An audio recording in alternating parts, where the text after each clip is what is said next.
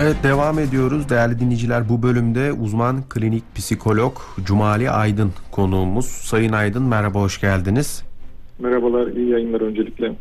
Çok teşekkür ederiz. Şimdi e, sigara ve elektronik sigara bağımlılığının e, zararlarını e, konuşmak istiyoruz bugün Sayın Aydın. Tabi Sağlık Bakanlığı'nın tütün ürünlerine e, bağımlılığına karşı yaptığı bazı çalışmalar da var. Bu çalışmaları da e, merak ediyoruz ama şimdi tabi tütün ürünleri dediğimizde e, hemen her gün karşılaştığımız farklı teknolojilerle birlikte bu daha az zararlı, bu daha az zararlı şeklinde e, farklı farklı yorumlarla farklı ürünlerin piyasaya e, bir şekilde çıktığını görüyoruz ve tüketici bulduğunu görüyoruz.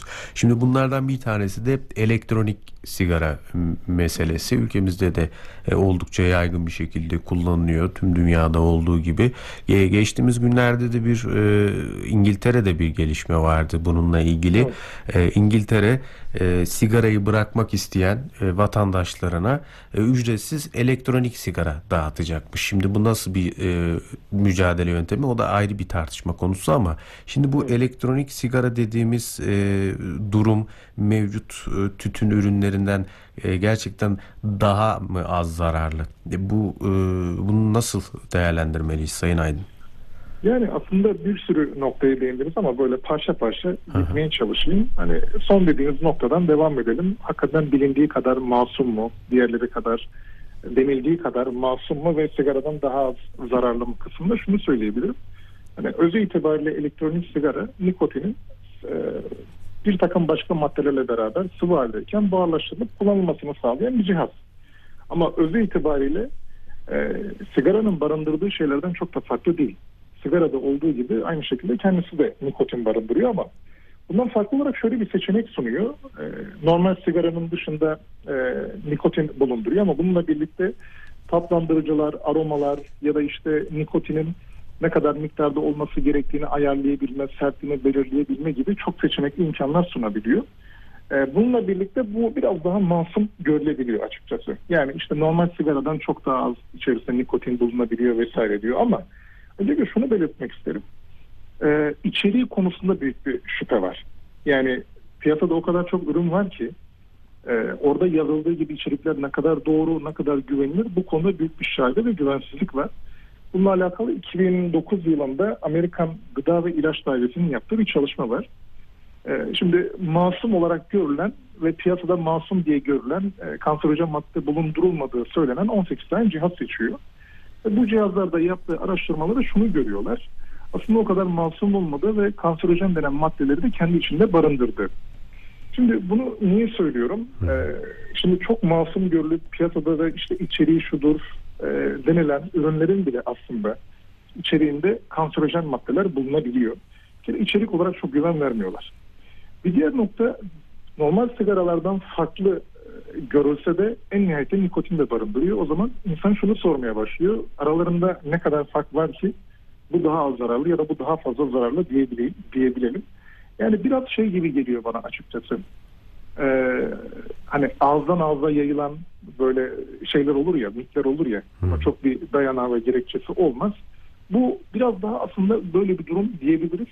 Yani bu şekilde piyasaya pompalanıyor, pazarlanıyor. Sigaraya alternatif olarak aynı hazla ve aynı şeyi veriyor, keyfi veriyor ama aynı zamanda kanserojen madde bulundurmuyor deyip Kimilerine göre sigaranın alternatifi, kimilerine göre sigaranın dışında çok seçenek sunabilen, rahat taşınabilen, e, rahat kullanılabilen ve aynı zamanda zararlı maddeler bulundurulmayan bir madde. O yüzden bu çok cezbedici ve çekici olabiliyor ama yapılan çalışmalar işte o kadar masum olmadığını gösteriyor bunu. Hı hı. Şimdi Sayın Aydın geçtiğimiz günlerde de yine bir e, rapor yayınlanmıştı. Türkiye tütün e, mamulleriyle e, mücadelede en etkin olan ülkelerden bir tanesi ama şimdi e, tabii devlet olarak her ne yaparsak yapalım kamusal alanda sigara içmeyi yasaklayabiliriz e, dumansız hava sahası şeklinde e, durumlar oluşabilir farklı politikalar üretilebilir ama en nihayetinde bu durum e, kişinin kendiyle e, aşması gereken bir problem. Şimdi bu hususta da tabii e, davranış e, hususu ön plana çıkıyor. Siz de bir uzman klinik psikolog olarak şimdi sigara ile mücadeleyi kişi nasıl başlatıp yürütebilir? Yani birincisi e, şimdi dediğiniz gibi önce kişinin kendi iradesi ve isteği, isteğinin olması gerekiyor. Yani bunu bırakmaya dair bir motivasyonun olması gerekiyor. Hı hı. Eğer buna dair bir bırakma motivasyonu ve isteği yoksa e, açık söyleyeyim istediğimiz kadar bunun zararlarından ya da bize verebileceği maddi manevi hasarlardan bahsedelim. Genelde bunun çok bir karşılığı olmaz. O noktada şunu söyleyebilirim. Hani diyelim ki çevremizde kullanan ve bırakmasını istediğimiz insanlar var. Onu bu noktaya teşvik edecek söylemlerde bulunmak ama zorlamamak çok önemli. Çünkü bazen zorlamak e, kişinin kullandığı o maddeyi ya da sigaraya daha fazla tutulmasına ve aramızdaki çatışmalarda bir dayanık olarak kullanmasına neden olabiliyor. yani inatlaşma. Hı hı. İnatlaşmayı götürmeden daha çok hani bunu neden kullanıyorsun, niye kullanıyorsun, sana zarar verdiğini düşünüyor musun, bize zarar verdiğini düşünüyor musun, işte bütçemize zarar verdiğini düşünüyor musun gibi biraz daha düşündürmeye yönelik belki bir şeyler söylenilebilir. Bununla birlikte diyelim ki ebeveynler çocuklarının bırakmasını istiyor ve böyle bir düşüncesi var. Aynı şekilde onlara alan açıp sormaları, hani niye kullandığını sormaları ve davranışsal açıdan onlara örnek olmaları çok önemli. Evet. Yani eğer evde 8 kişiden 4'ü sigara kullanıyor ve e, o 4 kişiden sadece birinin bırakılması bekleniyorsa burada oluşacak tezat e, o kişinin bu du- durumu çok tutarlı bulmadığından dolayı bırakma motivasyonu geliştirme olasılığını da düşürür. Sağlıklı örnek olmak ve daha e, ne diyelim kuralların herkes için geçerli olduğunu göstermek bu noktada yaklaşım açısından söyleyeceğimiz sözlerin daha tesirli olmasını sağlayabilir. Ama baktık ki bunlara rağmen herhangi bir noktaya varamıyoruz. Yani Hı hı. söylüyoruz, işte belli bir takım sınırlar çiziyoruz. Burada kullanmaman gerekiyor, şurada kullan, kullanabilirsin vesaire diyoruz ama aramızdaki çatışmalar devam ediyorsa bu konuda e, bir destek alınmasını öneririm ve bunun da gel beraber bu konuyu danışalım. Hani bir doktora gidelim değil de bir terapiste gidelim gibi değil de çünkü bu biraz yanlış anlaşılabiliyor. Hı hı. Şimdi Doğal bir şey ama hani doktora deli gider, doktora hasta gider, ben hasta mıyım, ben deli miyim gibi düşünebilir. Bu konuda istersen birlikte bir danışmanlık desteği alabilir, denebilir ve yönlendirilebilir. Hı hı. E tabii şimdi e, kişinin böyle bir düşüncesi var. Sigarayı bırakmak istiyor ama e, çevresinde ve kendisinde e, böyle bir bilinç ve bir e, savunma mekanizması bir şekilde gelişmedi. Ama böyle bir düşünce var. Şimdi bununla ilgili bir e, kurumsal anlamda yapılabilecek bir durum var mı? Yani Sağlık Bakanlığı'nın e, bu durumu kolaylaştırabilecek uygulamaları var mıdır Sayın Aydın? Bir Sağlık Bakanlığı'nın zaten doğrudan aranabilecek hattı var. Hı hı. Orayı arayabilirler. Bununla birlikte Yeşilay. Yani Yeşilay bu konuda e, oldukça aktif çalışıyor ve kendi bu konuda destek hatları var. Bu konuda destek alabilirler. Bununla birlikte doktorların e, sigara isteğini azaltmaya yönelik verdikleri ilaçlar var. Bunlar sağlanabilir.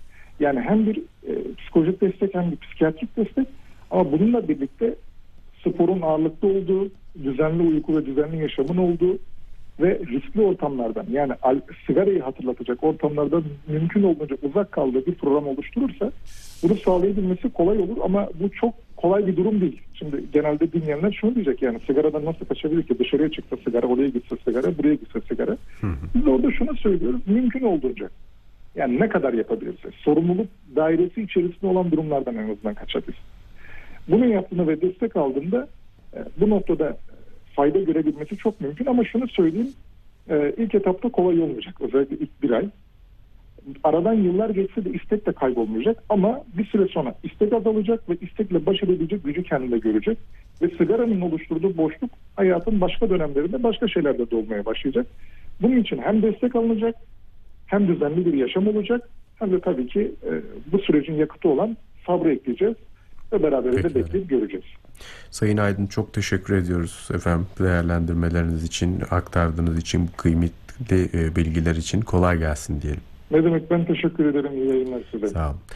Değerli dinleyiciler, uzman klinik psikolog Cumali Aydın bizimle birlikteydi. Sigara ve elektronik sigara bağımlılığının zararlarını e, konuştuk.